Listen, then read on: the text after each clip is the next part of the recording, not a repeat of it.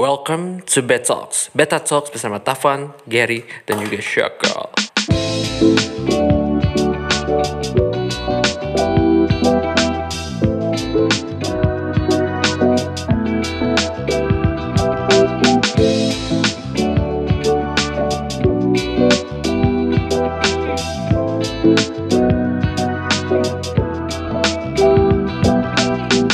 Sekarang apa sih yang nggak media sosial? Udah Twitter, ada kalau mau nulis. Kalau misalnya mau pamer foto, ada Instagram. Kalau misalnya mau stok stok ada ya. Ada apa tuh, Ger? Wes. OnlyFans. Oke, enggak. Kita punya uang, tidak punya uang. terus kalau misalnya video juga ada ya, YouTube, terus sekarang TikTok lagi yang Terus- versi horizontal. Terus ada Twitter lagi. Eh, Udah tadi. Udah Ah, vi- video? Video video. Iya, video. Vi- Video? oh, Gary sih videonya beda sih. Micat ini baru. Micat nih. Open BO nih. Udah. Micat kita ada bahasan lain kali ya. Oh ya udah boleh boleh boleh. Tapi emang kalau misalnya zaman sekarang emang semuanya emang serba sosial media ya kayak tadi kita udah bilang. Ya pasti juga ada dampaknya dong, dampak positif dan dampak negatifnya. Termasuk ada serial, eh bukan serial, Dokumenter. dokumenter, Film. dokumenter dari Netflix nih yang eh, tengah tahun tuh sempat menggegerkan dunia maya. Apa itu? Ya itu adalah sosial dilema. Uh. Jadi Sosial Dilema ini adalah sebuah dokumenter yang dirilis oleh Netflix pada tahun 2020. Oh 2020 ternyata maaf. Yang itu membahas kayak efek negatif dari apa ya dari dunia sosial media dan menghadirkan beberapa narasumber yang bisa dibilang udah kerja lah dan jadi top tiernya di perusahaan-perusahaan Iya, jadi sosial media tersebut. Bukan orang sembarangan lah yang Bukan. emang udah pernah masuk ke dalam dunianya sendiri gitu. Nah platform itu ada kayak Facebook, Google, Twitter, Dan YouTube, Pinterest. pionir di situ gitu kan. Iya. Staff-staff awal. Kayak early employee. Early employee gitu. Eh, sebelum gede sampai sekarang. Hmm. gitu terus sosial dilema juga udah masuk beberapa film festival seperti Sundance dan juga udah udah mencapai 38 juta pada 28 hari pertamanya ini. dan kemarin tuh di tengah tahun tuh sempat di ini ada dirilis di YouTube sampai tanggal 31 Oktober Iya. kayaknya kalau kita rilis kita rekaman sekarang sih masih ada Mungkin. emang masih ada Langsung Masih- nonton masih- ya langsung langsung. Cuman ntar sebelum tanggal 31 Oktober, eh habis tanggal 31 Oktober itu udah nggak di YouTube lagi. Ada di Netflix. Ada di Netflix. Silahkan. Silahkan ditonton. Modal dikit. Netflix sekarang sponsor ya. nah, pendapat Maranes dulu deh sebelum kita bahas lebih lanjut mengenai, mengenai sosial dilema. Terus apakah benar nih di kehidupan sehari-hari itu ada Eh, review review, Review singkat ala, ya. ala ini? ala IMDb. Enggak, akun Cinefil. Apa Watchmen? Lagi. Dari mana dulu deh Kal?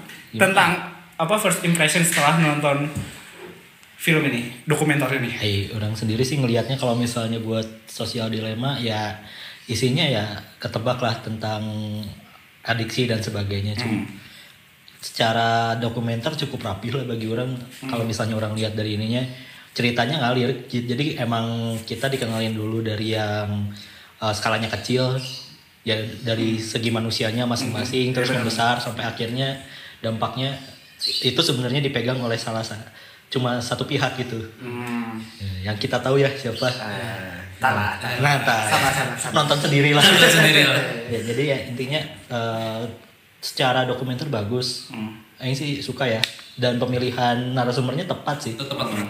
jadi kan yang dipilih itu eh, yang utamanya ya itu yang eh, ngebangun kok human technology kalau nggak salah Namanya Tristan Harris. Nah namanya Tristan. Si Tristan ini kan bahkan gini dia itu orang yang emang belajar buat gimana caranya si sosial media ini bis, model bisnisnya kayak gimana, adiksinya kayak gimana, kayak bener-bener orang yang udah di dalam banget.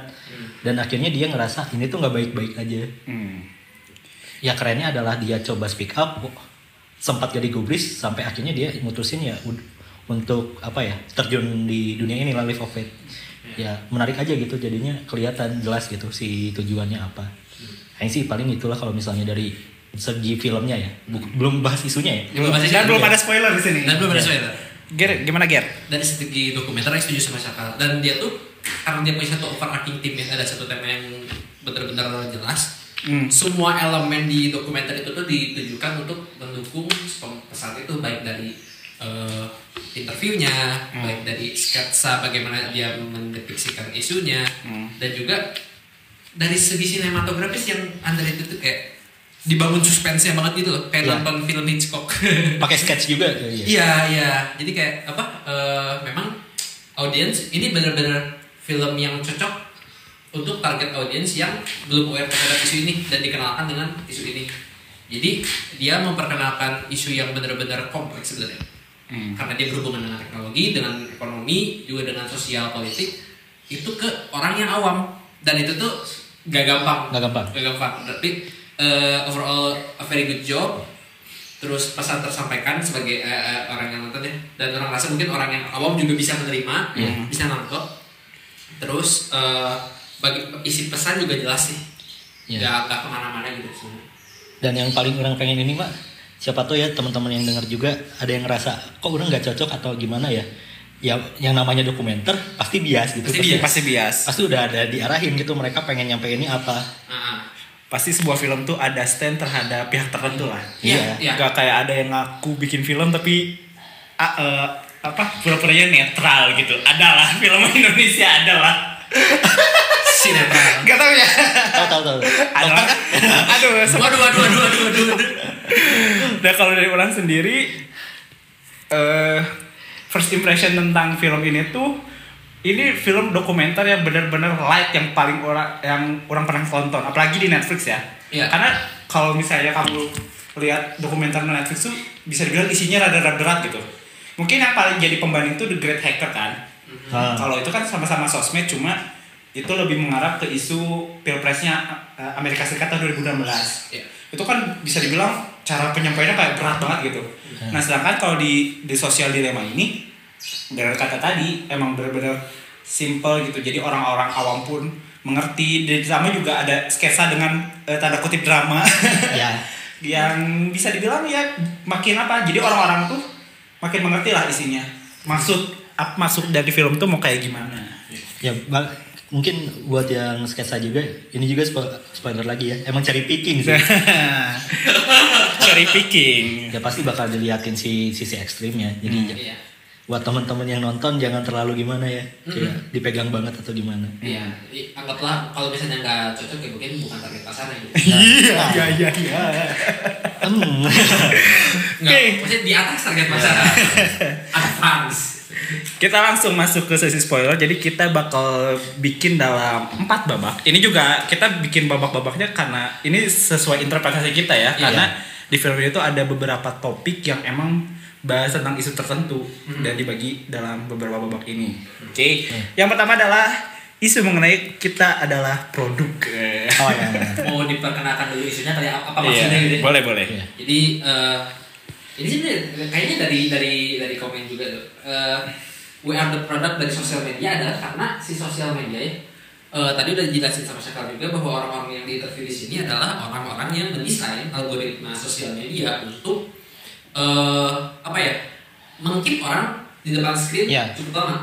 Kenapa kayak gitu? Karena ads Model bisnisnya kayak gitu. bisnisnya ads berbasis view Hmm. kayak contohnya eh, kalau misalnya teman-teman yang dengar pernah bikin konten itu yang itu kan pasti watch time kan pasti orang Iya, iya, benar, benar. bahkan bukan bu- sekarang udah bukan view tapi watch time Watch Watch time-nya. Watch time-nya. Seberapa lama orang menonton kontenmu? Ah, ah. dan itu dijelasin secara eh, detail itu tuh gimana sih orang bisa dihitung watch time-nya di apa kita nge-scroll foto siapa berapa detik kita nge-scroll misalnya eh, mantan gitu atau misalnya kecengan siapa gitu atau teman siapa yang cukup lama nah itu tuh Nah. jadi data-data yang menjadi bahan eh, apa ya bahan bagi algoritma untuk memberikan rekomendasi Nah, forecasting jadinya. Kita tuh diprediksi untuk kayak gimana sih kelakuan kita ke depannya berdasarkan dasar data-data sebelumnya dari kita nonton apa dan sebagainya. Seremnya adalah berarti mereka udah bisa menentukan langkah ke depan kita tuh apa sebenarnya. Nah itu. Jadi kita tuh emang udah langkah ke langkah kita tuh ya udah diprediksi dan emang diarahkan untuk menuju ke sana gitu. Apalagi kalau misalnya kalau dalam kehidupan sehari-hari itu yang paling nyata di Instagram kan. Sekarang kan Instagram ada Instagram Ads tuh tiap postan Iya. postingan tuh. Kalau bisa scroll awal-awal sih masih apa foto-foto atau video dari teman-teman kita lah. Hmm. Pas ke bawah Eko ada Tokped, Eh? Eko produknya yang pengen kita mau gitu. Jadi Iya. seolah-olah si sosial media itu sekarang udah memprediksi langkah kita ke depan tuh bakal apa. Heeh. Yang lebih kentara sekarang adalah mungkin di TikTok ya kali yang sekarang. Ah iya. Nah, Sosial media ini kan 2020 dan kayaknya bertepatan dengan mau booming TikTok lagi kan 2020. ya kayak 2021. kayaknya ini menuju naiknya lagi sih. Menuju naik lagi. TikTok emang lagi naik-naik Lagi naik-naiknya sekarang kan. Itu kan sekarang kalau misalnya teman-teman yang main TikTok atau FYP itu tuh kentara banget dengan algoritma. Nah, Iya. dan algoritma itu juga macam-macam tipenya ada tipe-tipe yang memang benar-benar top sesuai dengan kan pernah ada yang di Twitter tuh ada yang bikin isu kayak ngomong apa di di HP terus beberapa detik kemudian eh, langsung muncul ads gitu kan padahal dia nggak eh, nggak nyalin apa-apa gitu. Jadi kayak semacam kayak di mata-matai. Ada yang dia eh, algoritmanya jauh lebih eh, sopan lah gitu kayak nggak langsung dijeder-jeder sama misalnya kita ngeliat foto cewek pakai begini nggak nggak langsung di- Explore-nya semua itu. langsung langsung feednya semua gitu nggak ada yang lebih sopan dikasih oh kayaknya ini beririsan dengan yang ini kayaknya beririsan dengan ini. Lebih kerasa sekarang sih. Tapi kalau misalnya orang lihat juga kayaknya ini sih yang disampaikan juga adalah oh ini eh, si algoritma itu dan algoritma itu kan perhitungan untuk eh, ads kan sementara bagaimana cara nge-keep orang untuk Nah, tetap di nah situ itu. by design kan ya by design. Jadi emang si media sosial ini emang didesain untuk ya jadi sebenarnya untuk ngedesain itu kan objektifnya tuh ya bisa rubah bisa beda-beda gitu ya. Kita contohin aja gitu ya kalau misalnya di dokumenter itu dicontohin adalah Photoshop atau Adobe lah. Iya. mereka emang jualannya ya jualan produknya Hmm. sehingga mereka mendesainnya berdasarkan ya udah kualitasnya gimana bagusnya gitu monetize-nya ya dengan jualan produknya Iya. tapi co- coba kita pikirin kenapa Facebook sosial media itu nggak minta bayaran apa-apa serem Iya. itu sih Iya, serem. kenapa karena kita lah produknya kita yang dijual Kita yang dijual. perhatian kita yang dijual Ah. karena perhatiannya kita ya perhatian kita yang dijual makanya mereka me- mendasarkan model bisnisnya itu gimana caranya kita ngelihat terus Hmm. nah sehingga by desainnya itu di sana karena objektifnya adalah membuat kita melihat terus jadinya ya si- menggunakan segala macam cara ya se- sesimpel notifikasi Iya. Hmm. kayak gini aja kan notifikasi kan kita dikasih tahu gitu misalnya bla bla bla bla mengirim pesan kenapa Iya, nggak iya, iya. kenapa nggak langsung dimunculin aja sih fotonya Iya, Atau nggak pesannya apa? Pesannya gitu. apa? Kayak Pesannya SMS. kenapa, kenapa kita harus mencet dulu harus membuka aplikasinya dulu Iya. supaya ya kita ke sana karena udah kalau misalnya udah buka ya tanggung dong Iya. scroll lagi Iya, ada iya, yang iya. lain Jadi kayak apa? Kayak eh, meng-trigger kita gerak sendiri gitu sebenarnya. nah Nah, psikologinya sifat psikologi sih maksudnya. Ayo kita tuh teorinya. Yang satu yang satu itu yang bagi satu warna sih. Yang benar Nah, teknik eh. teknis tuh. Kayak kenapa notifikasi itu warnanya merah? Kenapa banyak eh, sosial media yang dulu logo-logonya rada klasik gitu ya? Oh, iya. Rada- Makin sini makin simpel makin sih makin simpel, makin eh, modern. Apalagi Instagram. Apalagi Iya. Instagram. Itu yang pas berubah logonya wah gila sih itu. Ini dari kamera Polaris jadi aduh desainnya jadi enak banget dilihat kan by design Oke. Cuma ada satu poin yang kurang kurang apa ya? Kurang dapat di video ini tentang gimana? Kan udah diceritain tuh tentang sosial media sosial media tuh by desainnya tuh kayak gimana. Sedangkan di film di film ini menurut orang ada yang kurang yaitu harusnya sosial media tuh desainnya kayak gimana sih? Hmm. Ngerti nggak Ah, sih? ya, emang. Jadi kan di udah dikasih tahu tuh pakar-pakarnya bla bla bla bla kayak negatifnya ini negatifnya ini tapi di film itu nggak dikasih tahu harusnya gimana mungkin itu emang bahan dapur Nah. da- da- bahan dapur kali ya tapi emang ini sih kalau orang li- lihat emang perlu research lebih dalam mengenai cara ngeduitin si sosial media ini selain dari selain dengan cara yang tadi iya jadi ya, eh, jadi ini kan dibahas lebih detail tapi karena memang model bisnis seperti itu sampai sekarang Ya, itu. untuk mengubah menjadi yang lebih ini harus ada alasan yang lebih fiskal nah iya benar-benar ya mungkin sampai saat ini belum kali ya ya masih dipikirin lah Ya, kayaknya nggak tahu sih lima tahun ke depan bakal gimana Terus sih keluar episode ini kayak gimana? Uh. tahu tahu karena ya karena kan yang yang ngeri tuh yang dia keluarin grafik perkembangan teknologi itu kan. Mobil tuh dua kali. Ya, ya, kan? dua Oh, kali. iya iya Itu grafiknya tuh gradien tuh kayak tembok ke atas ya. langsung Iya. naik. Berapa juta kali lebih eh, karena dari nol kan. Iya. Tapi kayak ngeri banget perkembangannya pesat banget. Se- si kecepatan proses itunya prosesnya ya Dan kita tidak berubah. Oke. Ya itu dia. Nah itu dia benar-benar bikin serem tuh. Manusia tidak berevolusi tapi berevolusi teknologinya berevolusi Oke. cepat. Itu tadi di babak pertama ya tentang kita adalah produk. Iya. Lanjut ke babak kedua adalah dampak dari media sosial itu sendiri. Nah kalau di film ini dampak yang paling kerasa itu tentang insekuritas, apalagi pada apa Remaja ya? ya. remaja ya. Karena bisa dibilang sosial media kan walaupun peruntukannya untuk 18 tahun ke atas atau 16 tahun ke atas lah. Kalau Amerika 13 tahun sih. Ya, iya tiga belas itu gimana masing-masing ininya sosmednya. Cuma di sini tuh kayak menggambarkan secara jelas apa sih dampak negatif paling buruk-buruknya ya, ya tadi insekuritas. Dengan dia melihat foto-foto temannya yang lagi liburan atau misalnya dan dan cantik kayak gimana. Si daya san- data saintifik yang dilihat ini juga mengenai Hmm. eh, tingkat bunuh diri sih. iya Tapi sebelum kita lanjut bahas, mana pertama kali punya sosmed? Umur berapa? kalau apa SD buat mainin jasa gak? oh iya oh iya sama SD kelas berapa kelas lima Lima enam. Sama ya? Ber- berarti itu, berarti angkatan kita rata-rata sama dong. tapi di di PC dulu kan maksudnya tidak Iya, iya. karena kita belum ada smart smartphone Belum, belum. Boro-boro. karena kalau nggak salah tuh baru masuk sosial media ke ponsel tuh 2010 2011 ya berarti kita SMP Kalau filmnya 2009 gitu deh, ya lupa lah. Ya kan itu Amerika. Kalau Ya, di sini Amerika. Indonesia kan di yang masuk. Itu di, di, di, di grafikan ada grafikan Ah. untuk peningkatan mobility kalau salah 2011 di di film itu juga. SMP tuh udah mainan BBM aja. Nah ya, kalau di kita kan ya Ah. trennya BBM kan. Ah. Itu iya bener ini. Berarti sosmed kita rata-rata ya umur bisa dibilang di bawah umur dong. Ya, pasti di Ya, bawah. masukin nu- masukin umur.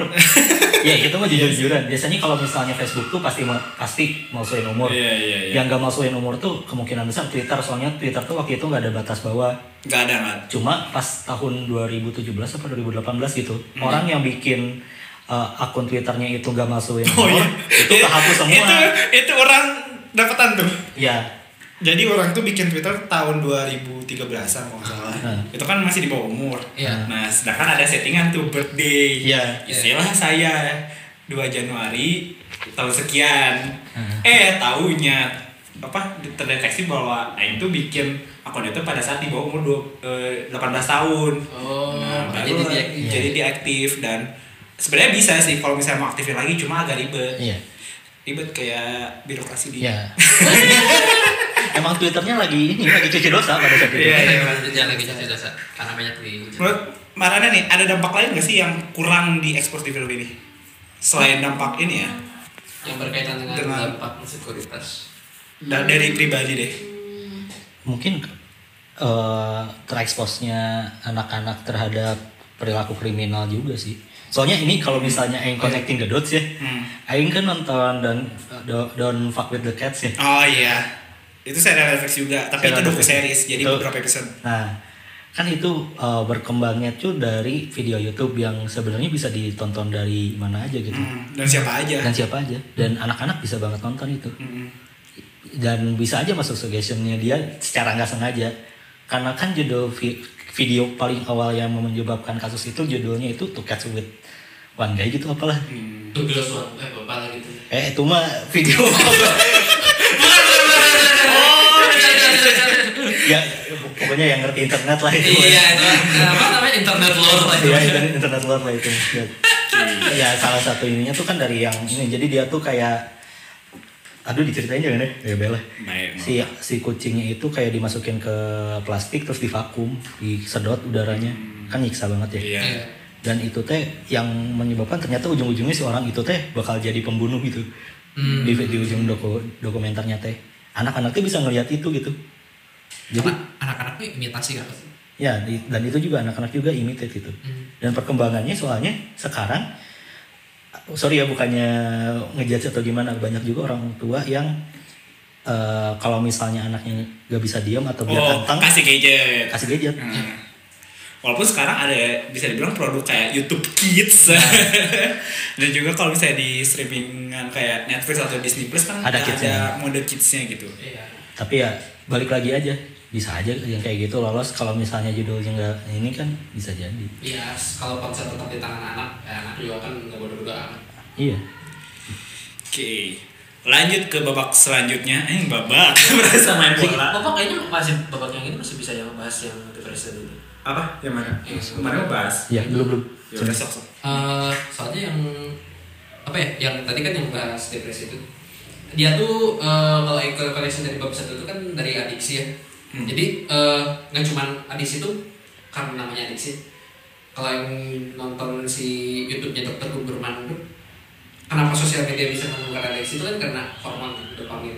Oh, Aing lupa, iya, Aing lupa si eh, mekanismenya gimana mungkin nanti teman-teman dari kedokteran iya ada hormonnya. Iya. Iya, iya. kalau teman-teman dari yang kedokteran bisa bantu dijawab Sebenarnya ada sih teman kedokteran di sini. Tapi off, off, off, off cam aja, off cam. Off cam, off cam, ini. record. nanti, nanti, nanti komen di Twitter kiri salah gitu kan ya hujat aja lah kita kita jatahnya gampang jadi eh, yang biasanya kita usaha yang biasanya kita eh, mengajar craving terus eh, dopamin itu masuk nah si sosial media itu memberikan dopamin dengan shortcut gitu ya betul betul jadi akhirnya eh dopamin itu tapi tidak berbanding dengan yang energi yang dikeluarkan gitu kalau salah. Jadi ketika dia berada di puncak, ketika dia berada apa dopaminnya sedang tinggi, dia itu sedang diam gitu. Jadi apa ya, eh, apa namanya itu? Ada kesenjangan. Jadi ujung-ujungnya tidak tidak fulfill atau jadi depresi, jadi malas, jadi implikasinya banyak lah gitu. Dari adiksi itu akhirnya muncul lah tadi kan eh, depresi, Hmm. eh, anxiety gitu kan. Nah, ada dua sebenarnya cabang itu kan kalau depresi jadi down, anxiety itu jadi manik kan kayak gitu. Uh, ya Aing harus eh, mengikuti standar orang-orang gitu Iya. kan. Jadi ujung-ujungnya kalau dari depresi itu muncul eh, satu dia reluctance terhadap eh, dunia luar, akhirnya menutup diri, akhirnya mengurung diri sebagai bentuk perlawanan dia dari sosial media dan ujung-ujungnya ya dia nggak berkembang dari situ gitu. Karena eh, respons yang terlalu radikal lah gitu. Yang kedua tuh kalau misalnya respons responnya anxiety dia terlalu ngikutin arus gitu. Nah. Akhirnya terlalu ngikutin arus mengikuti standar-standar beauty yang tidak eh, rasional. Ya. atau bahkan mungkin standar yang terlalu diverse karena tidak ada standar nah. ujung-ujungnya jadi eh, apa? Tidak tidak stabil gitu. Tapi gue ngerasain banget sih emang di, di banyak banyak di like tuh enak pak. Iya ya. Aing pernah kan itu apa kayak punya kosan yang like 2000 ini waktu orang waktu TPB dulu pas kuliah kan kita mau ujian kalkulus terus Aing kayak stres gitu lah bingung mau, mau ngapain. Si Dari lagi tiduran. Temen kita, kalau misalnya ada yang kenal teman kita dari anak ITB dia lagi tiduran mukanya sengsara banget orang foto terus orang kasih caption gitu. Di lain tuh. Ternyata yang like 2000an kan langsung enak pak. Oke, Pak, ada ada eh gak bohong anjir emang enak. Atau nggak kayak gini aja kemarin-kemarin kan kita sempet record sama Nada ya. wah. Pas liat engagement-nya, hmm, langsung. tuh enak. Iya, iya, iya. nah mungkin yang lebih bagus paling juga pernah kayak bikin cover lagu gitu kan. Ngelihat playnya tuh udah ada huruf K-nya oke. Eh. Wah, aku sudah jadi artis gitu kan. Artis sok. alat doang aja artisnya yang memunculkan delusi-delusi yang gak jelas kan sih kalau kalau dari yang dulu itu sih Oke. Lanjut ke babak tiga. Ini skalanya lebih besar kan. Kalau tadi kita sebagai produk berarti orang perorangan Iya. personal. Terus dampaknya terhadap diri sendiri itu apa? Atau ya, atau enggak perorangan. Nah, ini dampak terhadap lingkungan. Yaitu polarisasi. ya kalau misalnya di film ini yang Iya. dibahas banget tuh kan pol- polarisasi bener ya Karena emang kan film ini base-nya on US kan. Iya. Dan polarisasi di US tuh apalagi semenjak baik lagi pemilu AS 2016 itu yang menang Hmm. Donald Trump itu kan kanan sama kiri udah kelihatan banget tuh Iya. Demokrat dan Republikan. dan peran sosial media di sana tuh emang keras banget di mana eh, suatu post tuh benar-benar bisa ngebawa satu pihak atau diuntungkan atau gimana karena ya katanya ya Hmm. katanya Tanya.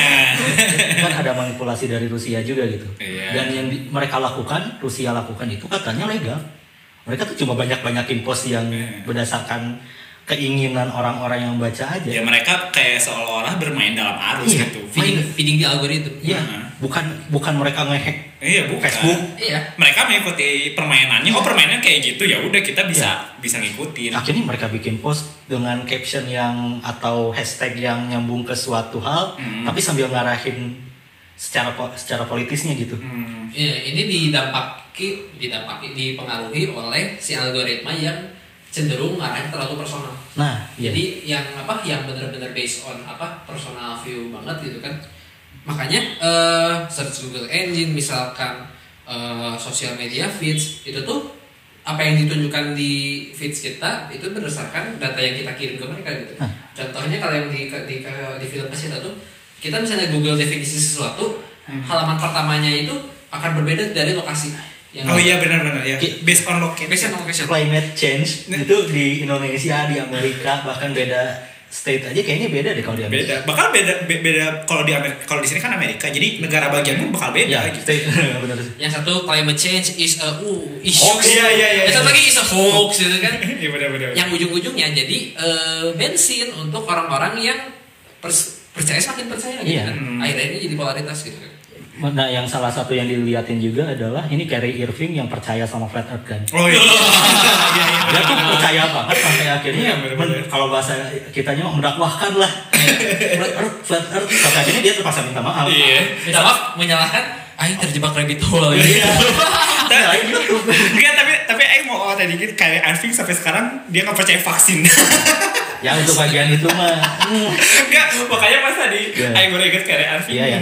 Ya Irving. Ya mungkin juga dia nggak percaya vaksin ya karena kena Iya. rabbit hole lagi. Iya. Iya. Saya kena rabbit hole VTuber. Iya. Iya. Jadi eh, ya emang karena dia terlalu terpersonalisasi akhirnya sesuatu yang sebenarnya niatnya bagus gitu ya kayak Hmm. membuat sesuatu yang nyaman buat diri sendiri gitu akhir tapi terlalu jadi mengurung gitu pers- Hmm. eh, perspektifnya jadi terkurung gitu. kalau kata orang Sunda mah kurung batok. Kurung batok. apa sih tadi Aing? Oh, tapi secara tidak sadar fenomena polarisasi ini nggak terjadi cuma di Amerika Serikat. Eh. Entah ini apa ya nyambung atau enggak, mungkin kalau di negara lain nggak nyambung kali. ya. kalau di negara yang namanya Indonesia ini polarisasi itu wah kental bisa apalagi kalau misalnya yang namanya udah pemilu, pilkada. Wah. Mang baso. Tenang di depan stiker ada pengaman. Kayak jimat ya. Kayak jimat. Dan di Indonesia juga polarisasinya kenceng banget apalagi waktu itu kan si pasangan nomor satu atau pasangan nomor dua dan juga dari polarisasi ini juga muncul hoax-hoax yang bertebaran apalagi di aplikasi yang bernama WhatsApp gitu. di grup Oh, iya, keluarga Oh, grup Hasan sama kalian sama yang dibahas di sini ya? Di film ini. Ba- dibahas enggak? Enggak, enggak, enggak, Jadi enggak enggak- ditonjolkan lebih Iya, tepatnya iya. Soalnya bukan tipe yang menyediakan feed gitu loh. Ah, iya. cuma di yang tetap dibahas tuh apa orang-orang istilahnya tertipu lah dengan hoax itu Nah. sendiri Share, ya. dan juga tentang clickbait lah Iya. walaupun nggak lebih dalam Iya. ya kalau clickbait Heeh. Tapi kalau misalnya untuk di Indonesia tuh bener sih bagian WA juga dia bisa misleading juga benar karena bisa jadi dia lihat beritanya di mana di search yang akhirnya terjebak pada rabbit hole masing-masing dia ngerasa itu sebuah kebenaran baru di share di WA berita pancasila.org dot, blogspot.com tapi memang kalau polarisasi itu ya dari di, di film juga ter apa di di portray dengan apa dengan jelas bahwa si si feeds yang ter apa yang informasi yang ter berulang Mhm. itu itu aja gitu. Akhirnya dia eh, membentuk semacam kenyataan gitu karena karena diulang-ulang terus kan yang membentuk eh, ilusi gitu. Yang yang susah adalah ketika eh, orang ini merasa punya posisi di masyarakat untuk membuat kebaikan gitu. Jadi apa ya niatnya baik kayak aku harus memberitakan kebaikan ini kepada orang agar orang tidak tersesat. Ah, ujung-ujungnya malah jadi eh, apa sinyal itu malah jadi bikin bikin bising lah gitu. Iya, apalagi emang karakter Indonesia dekat banget sama karakter Amerika sebenarnya. hmm. apa banyak diverse lah Ya, orang-orangnya. diverse diverse banget dan juga si tingkat pendidikannya juga jomplang sih. Yang tinggi-tinggi banget, yang rendah ya sama. Iya. Terus juga tingkat komunikasinya gitu kan, Hmm. tingkat komunalnya gitu kan. Di publik juga tinggi gitu kan. Tingkat responsibility komunal juga tinggi gitu kan. Nah, tapi kalau misalnya dilihat dari tiga babak tadi itu kayak efek negatifnya doang gak sih yang dilihatin di Kalau- sosial dilema secara keseluruhan Dan di sos- iya benar. Iya, yang kan? diliatin tuh kebanyakan negatif.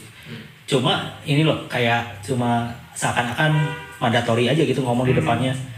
Kalau misalnya kita nggak bisa pungkiri kalau misalnya sosial media itu yang melakukan banyak hal baik, hal yang luar biasa, walaupun nggak di list Hmm. atau dijabarkan secara itu lah gitu. secara Jadi, terperinci aja, misalkan eh, kita podcast ini disponsori Kopeda, kopi kenangan kopi kenangan aja. Janji jiwa. Janji jiwa apa? Makan tos dari kita. Di Sok kaya emang. pesan janji jiwa itu Lewat Gojek. Lewat Gojek. Iya. Eh, apa materi ini juga dari sosial media juga gitu kan. Nontonnya dari Netflix. Netflix. Kurang sponsoring apa coba? memang memang eh, banyak manfaatnya sebenarnya gitu kan dan dibuat juga eh misalnya contoh- contohnya tombol likes gitu kan Iya. salah satu yang ada ya yang bilang dia kenapa waktu bikin tombol likes adalah tujuannya untuk men-share Positif, positivity positivity. tapi dia nggak dia nggak dia nggak bisa membayangkan bahwa sistem likes yang dia buat itu bikin orang bisa bunuh diri gitu. karena dia tidak dia likes Iya iya iya. itu aku kalau jadi orang itu ngeri banget gitu kayak Acil Aing buat apa gitu kan senjata massa padahal tombol love Iya. gitu. Eh sama ini sih yang kurang bener-bener serem banget dari film itu adalah waktu si orang-orang ini bilang kita teh yang ngedesain hal ini gitu, tapi kita Oh, nggak bisa iya, lepas iya. dari adiksinya sendiri. Oh iya iya benar benar benar benar Kayak yang, presi- yang mantan presiden Pinterest gitu ya. Iya. Saya tata pengennya balik ya udah gitu, jangan dia pengen nyoba gitu kan ninggalin HP-nya di mobil, fokus sama anak-anaknya tapi nggak bisa gitu. Hmm. Ujung-ujungnya ya dia lihat HP lagi. Sampai ya bener-bener ditanya gitu si narasumber ini semuanya mana itu gak bisa lepas dari adiksi apa? Ada yang bilang emailnya kalau si Tristan Iya, bilang dia iya, nggak bisa lepas emailnya. dari email.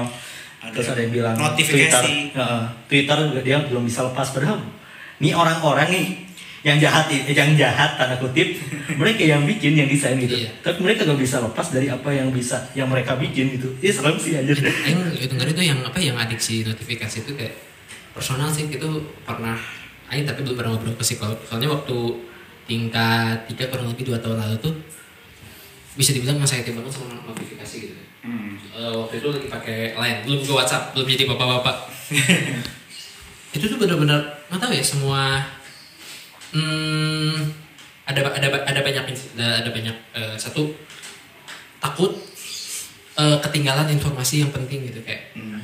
apa misalkan tentang pelajaran apa tentang kuliah apa tentang informasi Ah. tentang itu tuh jadi benar-benar takut ketinggalan aja gitu takut takut takut ada sesuatu takut ketinggalan informasi yang kedua takut ketinggalan tanggung jawab pada sedangkan tanggung jawab Ya. tuh udah di note sendiri gitu tapi takut ada misalkan eh, lagi ada lupa Nah. lagi ada kerjaan apa atau lagi ada ini apa takut ada email tiba-tiba masuk padahal kan apa ya eh, itu da- dari sebelum kuliah tuh emang apa eh, sosmed itu biasanya dibatasin kayak nggak sebenarnya emang nggak nggak dibatasin tuh eh, nggak sengaja aja gitu jam berapa udah udah nggak main HP lagi gitu jam jam berapa udah nggak belasan lagi soalnya capek gitu kan Ya. ujung-ujungnya bangun tidur capek akhirnya eh, membatasi tapi pas kuliah tuh kayak pas ini pas apa pas eh, membatasi lihat notifikasi banyak panik siapa yang nyari siapa yang ketinggalan gitu kan Ya. udah tuh ngeri banget sampai oh sampai akhir pandemi gitu kan Nah. hampir eh, kuliah online gitu waktu dia lagi cuti juga akhirnya si not- notifikasi itu kan mulai meredah kan kayak Ya. oh ya udah aman gitu kan Justru orang itu pas pandemi malah jadi makin parah. Orang tidurnya pegang HP. anjir. Karena emang gabut juga gak sih di rumah? Enggak, maksudnya tidur pegang HP itu takut ketinggalan. iya. Kalau info padahal kan waktu itu, soalnya kan waktu itu Aing lagi ngerjain TA kan. nah apalagi kan lagi lagi Nah masa itu kritis kan. masa-masa kritis itu. Jadi kayak Aing teh takut ketinggalan ya Aing tidur pegang HP kadang-kadang ya. ini mah analoginya kita lagi stres? Kalau orang-orang zaman dulu lagi stres ngapain ngerokok? Nah ini jadi candu kan? Ah. jadi tenang gitu kan sekarang kita lagi stres lagi lagi di fase-fase kritis kita megang apa megang HP iya. Sama. Buka, buka feed, buka feed gitu kan. Instagram, ngecek ngecek ngecek apa nggak refresh email inbox itu kan ngapain gitu eh, kan cek likes-nya dari. Cek cek dari gitu kan aduh ada ada yang baru atau tidak Dari lagi. Kayak ini sama ini nonton Zoe Molodowski kalau Wah. anak kecil ya. Sampai sambil ngerokok juga orang juga ngerokok sambil lihat HP gitu. Aduh. Hebat. double adiksi ya iya terus FOMO sih yang yang tadi nggak bahas tuh Iya iya benar. fear of missing out jadi apa kalau bu- buka Instagram gitu kan kalau di fase-fase sekarang yang dewasa muda ini lihat anjir lu ini udah nikah Iya sih mungkin yang Iya sih, Aing kaget. bener-bener apalagi kalau saya usia sekarang ya 20 20-an awal gitu. Dan emang bener salah satu yang missing di film itu FOMO-nya. FOMO Oh, FOMO iya, iya. FOMO-nya nggak ada walaupun mungkin secara tersirat di babak dua tadi ya yang Iya. tentang insekuritas gitu. Cuma nggak dijomplakkan secara apa ya secara kasar gitu. Tentang web fear of missing out bener. kalau yang bab kalau yang di film itu dia lebih ngebahasnya justru kayak detach di society itu jadi kayak apa eh, dia diajak latihan sepak bola nggak mau Nah, gitu iya, kan iya, iya, justru iya. kayak gitu gitu kan. Kalau kalau justru ada sisi yang lebih tadi yang anxiety tadi itu ngebahas FOMO gitu. Yang ngebahas tuh.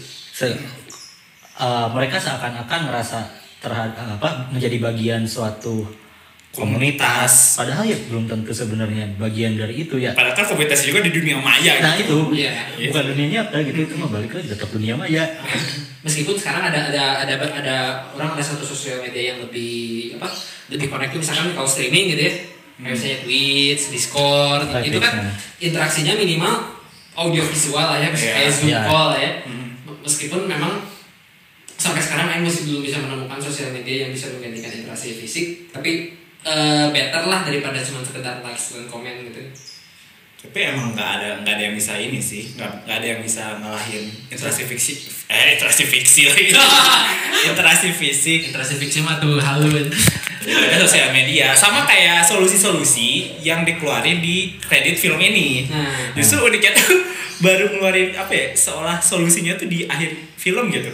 Di kredit setelah tadi yang negatif negatif mulu. Nah positifnya tuh dari sosial media ataupun gimana caranya kita handle sosial media justru adanya di kredit gitu. Iya. salah satunya tadi mulailah berdiskusi secara langsung gitu. Hmm. Karena memang filmnya juga dipasarkan ditujuankan untuk menaikkan isu. Hmm. Targetnya adalah orang awam yang oh, tidak aware Iya. terhadap isunya apa. Dia cuma sadar fenomenanya terjadi misalkan anak kelamaan pegang HP, anak Hmm. Iya. jadi insecure. Dia diperkenalkan isunya adalah sosial media yang gini gini gini gini. Iya. Sementara kan mungkin eh bukan pintar atau apa ya, tapi kita kan udah aware gitu kan. Eh, Minimal udah aware lah ada Aku isu. tidak. Tidurnya juga pegang HP. Eh, Sebenarnya nggak apa aing. Jadi eh, apa ya? Memang tadi kita bisa notice eh di akhir tuh kenapa baru keluar gitu kan si, Iya. si solusinya gitu. Terus solusi yang lain tuh yang menurut orang agak menurut orang agak unik tuh ini tentang kita memfollow orang-orang yang bisa dibilang berseberangan dengan kita. Ah iya. Misalnya saya pendukung 02 terus saya memfollow orang-orang 01 Jangan gitu lah. gitu. Ntar kenal lagi kita. Ya kan ini mah kan misalkan. Saya ini memfollow pengikut bubur diad tidak diaduk. Karena itu bubur diaduk. Ya misalnya kayak gitu lah lebih simpelnya lah. Misalkan saya eh, sekarang lagi nge-follow akun Polri. Wah. Abang tukang bakso. Mari mari sini. Oh, Spectre, Spectre. Bantai ini. Maksud saya, saya, tim TNI gitu.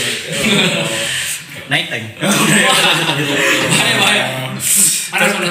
Terus eh, solusi yang lain kayak cek fact supaya tidak apa ya tidak kemakan hoax hoax atau da- tidak kemakan clickbait lah kalau zaman sekarang. Soalnya fact check ini menarik sih. Soalnya di Indonesia sekarang udah ada platformnya. Hmm. Iya kak. Apa sih coba? Hoax kalau di Twitter tuh. Nah, terus ada juga websitenya yang dibikin sama orang anak ITB atau anak siapa gitu. Ada Iya. kok. Anak orang yang pasti. Ya, anak orang lah. Insya Allah anak orang. James. Bisa jadi gitu kan. Yang nggak tahu. Kodam gitu. Jadi emang udah ada gitu platformnya. Teman-teman gampang sekarang buat cek apa fact check tuh jangan males loh. Iya. Hmm. Terus ada lagi kayak matikan notifikasi, ya Iya. notifikasi Instagram, Hmm. Twitter kayak gitu Twitter, gitu. gitu kan. Jadi atau ya, kalau kalau setuju dengan notifikasi itu karena ujung tiap satu likes tuh kayak dilihat siapa yang likes tiap jadi itu tuh bahaya gitu. Kayak postingan kita aja kemarin. Wah. Kalau banyak yang likes ya. Oh ini siapa nih yang nge-follow? Siapa yang paling dapat QR QR 3 im? Tapi untungnya karena yang tidak nyalain notifikasi dari awal ya Aing nggak tahu alhamdulillah. Alhamdulillah. ya. Alhamdulillah. Maksudnya eh, yang nge-like juga Aing nggak tahu, yang eh, protes juga nggak tahu gitu. Iya, Enaknya itu. Enaknya itu memang. Terus sama ada satu solusi yang menarik yaitu mengindahkan atau mengabaikan mengabaikan ini rekomendasi. recommended for you. Apalagi kalau misalnya di YouTube ya. Nah, tapi ironinya dia nayangnya di Netflix. Iya, iya, iya, iya. Tapi untuk yang itu Aing kurang setuju sih, jujur. Kenapa? Karena kadang-kadang rekomendasi YouTube tuh ngebantu. Ah, iya, iya sih. Kayak emang ada aja gitu fasenya mana yang emang lagi seneng nonton apa, Mm-mm. mana nggak usah ribet-ribet nyari gitu kan, ya langsung muncul. Ya cuma eh, trade off-nya adalah ya data mana dijual gitu. Iya. Mana for- jadi jadi bahan forecastnya mereka gitu ya udah itu aja. Cara ini, cara ini adalah mendengarkan musik Jepang terus sehingga direkomendasi iklannya itu lagu Jepang. Yang- mau mau lagu Jepang, ada iklan kan di awal dia dua-duanya lagu Jepang. Sama Indo pernah. Oke, saya tidak skip. Tenang ya. Atau nggak kalau mungkin maksudnya di sini tuh rekomendasinya selain di YouTube ya, YouTube, Netflix, Spotify atau apa pun itu di ini explore Instagram. Explore Instagram benar sekali. Based on your likes kan kayak gitu. Ya. Based on your save gitu. Atau kan based on your following. Nah. Ah, iya iya iya. Dari Hari siapa lagi? ujung-ujungnya dari. Eh, Tapi emang kalau misalnya ini solusi yang orang kasih dari orang ya ini mah pribadi ya jangan nyoba dari awal karena yang itu yang merasakan dari Instagram Aing tuh karena nggak bisa relate sama orang-orang Instagram ya Aing jadi tidak terlalu apa ya ter sama Instagram gitu Aing nyantai aja nggak tahu sekarang kan info-info mengenai hidup tuh adanya di Instagram dibandingin Twitter ya Walaupun sekarang Twitter kayaknya udah mulai ini deh, mulai rame lagi. Iya, mulai Iya, rame. mulai rame lagi. Cuma maksudnya kayak nih info-info nikah, teman kita ada yang prewedding, Oh iya. bapak bapak Iya, iya. ya adalah satu orang prewedding, terus ada senior kita. Hmm. nikah Kemarin kan? ya? kemarin nikah, Kemarin nikah. Aing tuh dia tahu gitu, Aing dikasih tahu sama teman dari Instagram, ya teman KP Aing yang bener-bener tidurnya sekasur gitu ya, Aing baru tahu gitu kalau misalnya si Eta ya menjalin hubungan dengan seseorang tuh dari teman yang lain. temen yang lain ini lihat ke dari mana? Instagram. Jadi emang segitunya. Kalau misalnya. Dan Aing tuh kebetulan karena emang dari awal nggak terlalu apa ya Bukan Instagram people banget lah. ya emang Iya. bukan Instagram gitu dan kebetulan ya Aing nggak masalah gitu dengan ketinggalan hal-hal itu mungkin saran dari orang kalau buat teman-teman yang belum pernah nyoba mending jangan nyoba gitu aja sih Ini lagi bahas eh, saran-saran. Kalau Aing sih lebih ke ini daripada masuk menjadi bagian dari konsumen, kenapa nggak jadi produsen aja gitu? Aduh, tapi kan itu harus punya modal lebih ya. harus punya Oh, enggak, misalnya pengetahuannya. gitu jadi influencernya Iya, gitu. jadi, Oh. jadi influencernya. Bisa, jadi, bisa. Jadi lebih apa ya? eh di sosial media tuh ada tools gitu. Jadi gimana caranya itu diintegrasikan ke terhadap produktivitas kita gitu. Misalkan kita punya bisnis, sosial media jadi bahan promosi. Kalau misalnya kita punya karya, sosial media buat bahan pamer gitu kan. Jadi jangan dipakai kita jadi konsumennya gitu, mendingan mending jadi produsennya gitu kan. Dan daripada konten-konten semakin banyak kuantitasnya yang buruk, kenapa enggak kita tambah kuantitas yang bagus gitu? ya jadi kita nyemplung sendiri ya memperbaiki kualitasnya gitu Ya ya, kayak ki- kayak gini lah. Hmm. Pembuat konten podcast. Tapi untuk menutup episode kali ini, orang pengen menanyakan kepada kalian berdua. Orang juga sih, tapi dari orang dulu. Hmm. Setuju gak sih dengan film dari sosial dilema ini? Kalau dari orang pribadi ya, orang akan mengeluarkan kata-kata ajaib yang dikeluarkan pada saat episode itu. Aduh ya. Kembali ke orang masing-masing. kepet kesel bedain Karena balik lagi coy ada yang mungkin bisa menerima kayak kayak sosial dilema ini oh bener emang fakta-faktanya kayak gitu dan emang kenyataan pun kayak gitu gitu saran-saran pun bisa diterima Da- tapi ada juga yang ah enggak orang juga nggak terlalu melihat sosial media. Eh, kayak tadi kayak Syakal. Tidak Instagram people banget makanya Syakal tidak apa ya tidak ingin terjun dalam dunia tersebut kayak gitu. Jadi baik lagi kalau dari orang gimana pribadi masing-masing?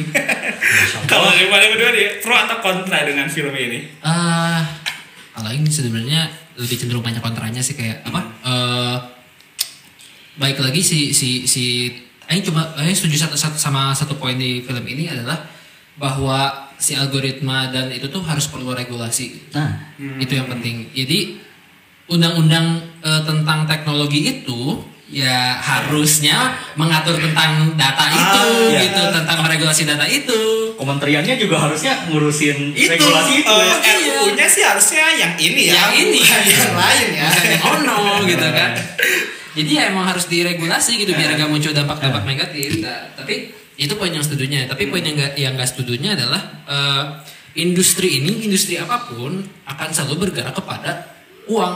Mau nggak mau itu mah kenyataannya. Mau di arsitektur pun kita mau bahas misalnya isu-isu sustainability karena misalnya Ya. kita aing mau editor dikit ya karena ini ada satu isu yang eh, kurang lebih fenomenanya sama isu di bangunan adalah bangunan memiliki polusi terhadap eh, itu 30% polusi global gitu Ya, bangunan. iya iya iya. Nah, bagaimana cara menyelesaikan itu yang nggak bisa seidealis-idealis kayak Iya, kita harus bikin bisa. bangunan yang sustainable karena tidak profit gitu. Jadi eh, tugas-tugas kita sekarang adalah bagaimana caranya kita generasi-generasi di atas kita udah punya pemikiran nih ada masalah, ada solusi. Tapi jembatan antara si masalah dengan solusinya itu masih jauh gitu, masih belum masih belum ada jembatannya gitu. Gimana caranya bikin solusi yang profitable untuk sustain karena balik lagi eh, itu kan kalau segi amoralnya adalah bahwa uang akan terus berputar gitu kan jadi kayak untuk menarik investor Ya. adalah gimana caranya eh, investor ini bisa care terhadap isu-isu itu. Hal ini bisa terjadi misalnya contoh ketika Black, eh, Black Lives Matter di mana perusahaan-perusahaan yang cenderung dulunya tidak mengambil pihak dalam sikap politis Tiba-tiba. tiba-tiba perusahaan apa perusahaan-perusahaan yang eh, itu bergerak dan mengambil sikap politis karena mendukung. karena emang mengaruhi konsumen mereka juga Iya. Betul. melihat konsumen mereka tuh ada di pihak mana sih Ya. lebih, Nah. lebih condong ke kalau misalnya di Amerika kanan atau kiri kayak Iya, gitu jadi gimana caranya adalah bahwa kita sebagai mas punya power untuk mendorong si kapitalis-kapitalis ini untuk memikirkan bahwa ini tuh profit gitu. Itu tuh ada ada konsekuensi fiskalnya gitu, ada, ada ruginya gitu. Yang kedua adalah tadi bikin solusi yang profitable agar ini yang lebih moralnya lagi adalah karena biar sustain. Nah. Karena biar si solusi itu tuh nggak cuma sekedar ide di awal tapi tidak di maintain. Banyak kan kayak gitu kayak produk-produk yang eh, alternatif, energi alternatif itu bisa kan. SDGs. Padahal kemarin batu bara lagi naik. Iya iya iya. Iya ini ini jadi ke mana-mana tapi isunya adalah sama Iya, gitu. iya, betul, Iya, betul. nggak jauh nggak jauh Ujung-ujungnya isunya. duit bener. ujung-ujungnya duit. Jadi lebih spesifik di teknologi ini adalah bagaimana caranya si eh, pengembang developer itu harus bisa rugi. Bahwa si investor itu harus ada dampak ekonominya gimana caranya mereka kalau misalnya itu tetap lanjut ada ruginya. Yang kedua solusinya sustainable gitu gimana caranya. Solusi-solusi itu tuh mendat- mendatangkan eh, profit. Jadi bisnis model yang baru gitu kan. Yang bisnis model bener. bisnis model yang baru yang tidak mengandalkan watch time gitu kan. Ini harus ada riset lagi gimana caranya eh, ada faktor lain yang mem- mempengaruhi daya beli selain watch time. Ya mungkin setelah emang setelah dikeluarin sosial dilema ini mungkin yang tadi CEO human atau yang lain mungkin sedang Ya, menuju ke sana. membuat model baru gitu. jadi up down top down regulasi di Iya. akan ke bawah dari atasnya juga kita up buat apa naikin standar gitu Iya, Oke. Kayak gitu dari Syakal Kalau orang sendiri sih, jujur ya, kalau misalnya terhadap film ya, Iya. orang tuh ngerasanya film ini tuh cuma wujud dari bentuk egonya orang Amerika aja. Oh. egosentris ya? Egosentris mereka kan Iya, iya, iya, merasa iya. dirinya pusat dunia ya. Iya benar. Sehingga uh, perasaan diawasi oleh sosial media ini diawasi Hmm. datanya dijual tuh suatu hal yang menakutkan. Hmm. Padahal tanpa ada sosial media juga ya kita juga sudah diawasi gitu. Cuma masalahnya adalah ntar kita pertanggung jawabannya aja sih di hari akhir nanti. masya allah. Ayo sholat maghrib